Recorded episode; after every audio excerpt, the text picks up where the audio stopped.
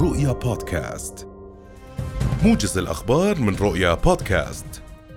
بدأت أمانة عمان الكبرى هدم منازل في جبل الجوف شرق العاصمة عمان. كانت قد استملكتها بقرار رئاسة الوزراء منذ عام 2019 أحد السكان قال لرؤيا إن الأمانة أبلغت الشهر الماضي سكان المباني البالغ عددها 29 مبنى يقطنها أكثر من 50 أسرة لترك منازلهم تمهيدا لهدمها.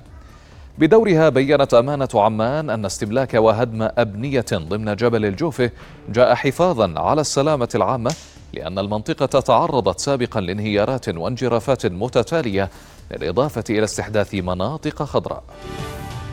قررت وزارة العمل بالتعاون مع وزارة الاقتصاد الرقمي والريادة إطلاق خدمة طباعة تصاريح العمل في مركز الخدمات الحكومي الشامل في عمان بمنطقة المقابلين لتوفير الوقت والجهد على المواطنين.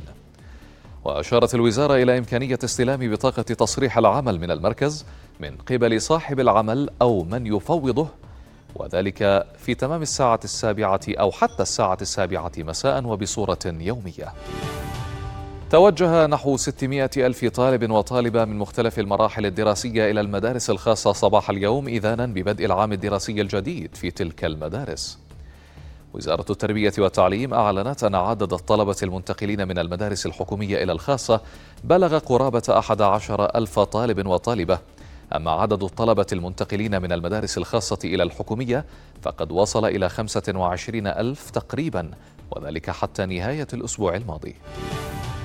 كشفت وزارة النفط العراقية عن ارتفاع صادرات النفط إلى الأردن خلال شهر آب الماضي إلى 464 ألف برميل.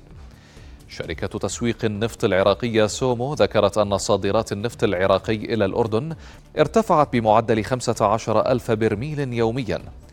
وتشير البيانات المالية التي نشرتها الشركة إلى أن معدل سعر بيع البرميل للأردن بلغ 70 دولارا تقريبا خلال شهر آب الماضي دعا مدير مديرية حماية المستهلك في وزارة الصناعة والتجارة معتصم الجالود المستهلكين إلى التوجه للمديرية في حال عدم مطابقة السلع للقواعد الفنية الإلزامية أو الخصائص المعلن عنها. الجالودي أشار لرؤية إلى أن تعليمات حماية المستهلك الجديدة منحت موظفي المديرية صفة الضابطة العدلية في الحالات التي تستوجب أخذ عينات وضبط السلع التي فيها عيوب. وبشأن خدمات ما بعد البيع حددت التعليمات وفق الجالود مدة التزام مزود السلع المعمرة لخمسة أعوام مقابل التزام مزود السلع غير المعمرة بتوفير قطع غيار وصيانة لمدة عام. تجددت فجر اليوم التظاهرات الاحتجاجية للأسبوع الخامس والثلاثين ضد حكومة بنيامين نتنياهو وخطتها لإضعاف جهاز القضاء. وبحسب وسائل إعلام عبرية فقد شارك عشرات الآلاف في التظاهرة المركزية بتل أبيب إضافة لعشرات المدن والبلدات المحتلة.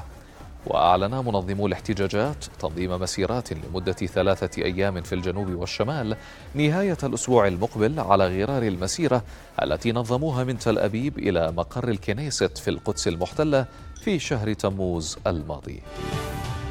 وجه رئيس الوزراء العراقي محمد الشيع السوداني الجهات المعنية بإجراء تحقيق لمعرفة ملابسات سقوط ثلاثة قتلى وستة عشر جريحا في صدامات بين سكان أكراد وآخرين من العرب والتركمان خلال مظاهرات في مدينة كركوك شمال العراق.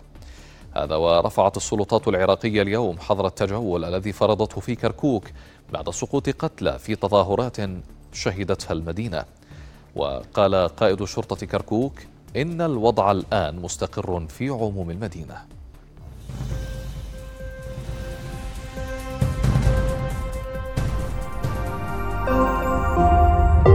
رؤيا بودكاست.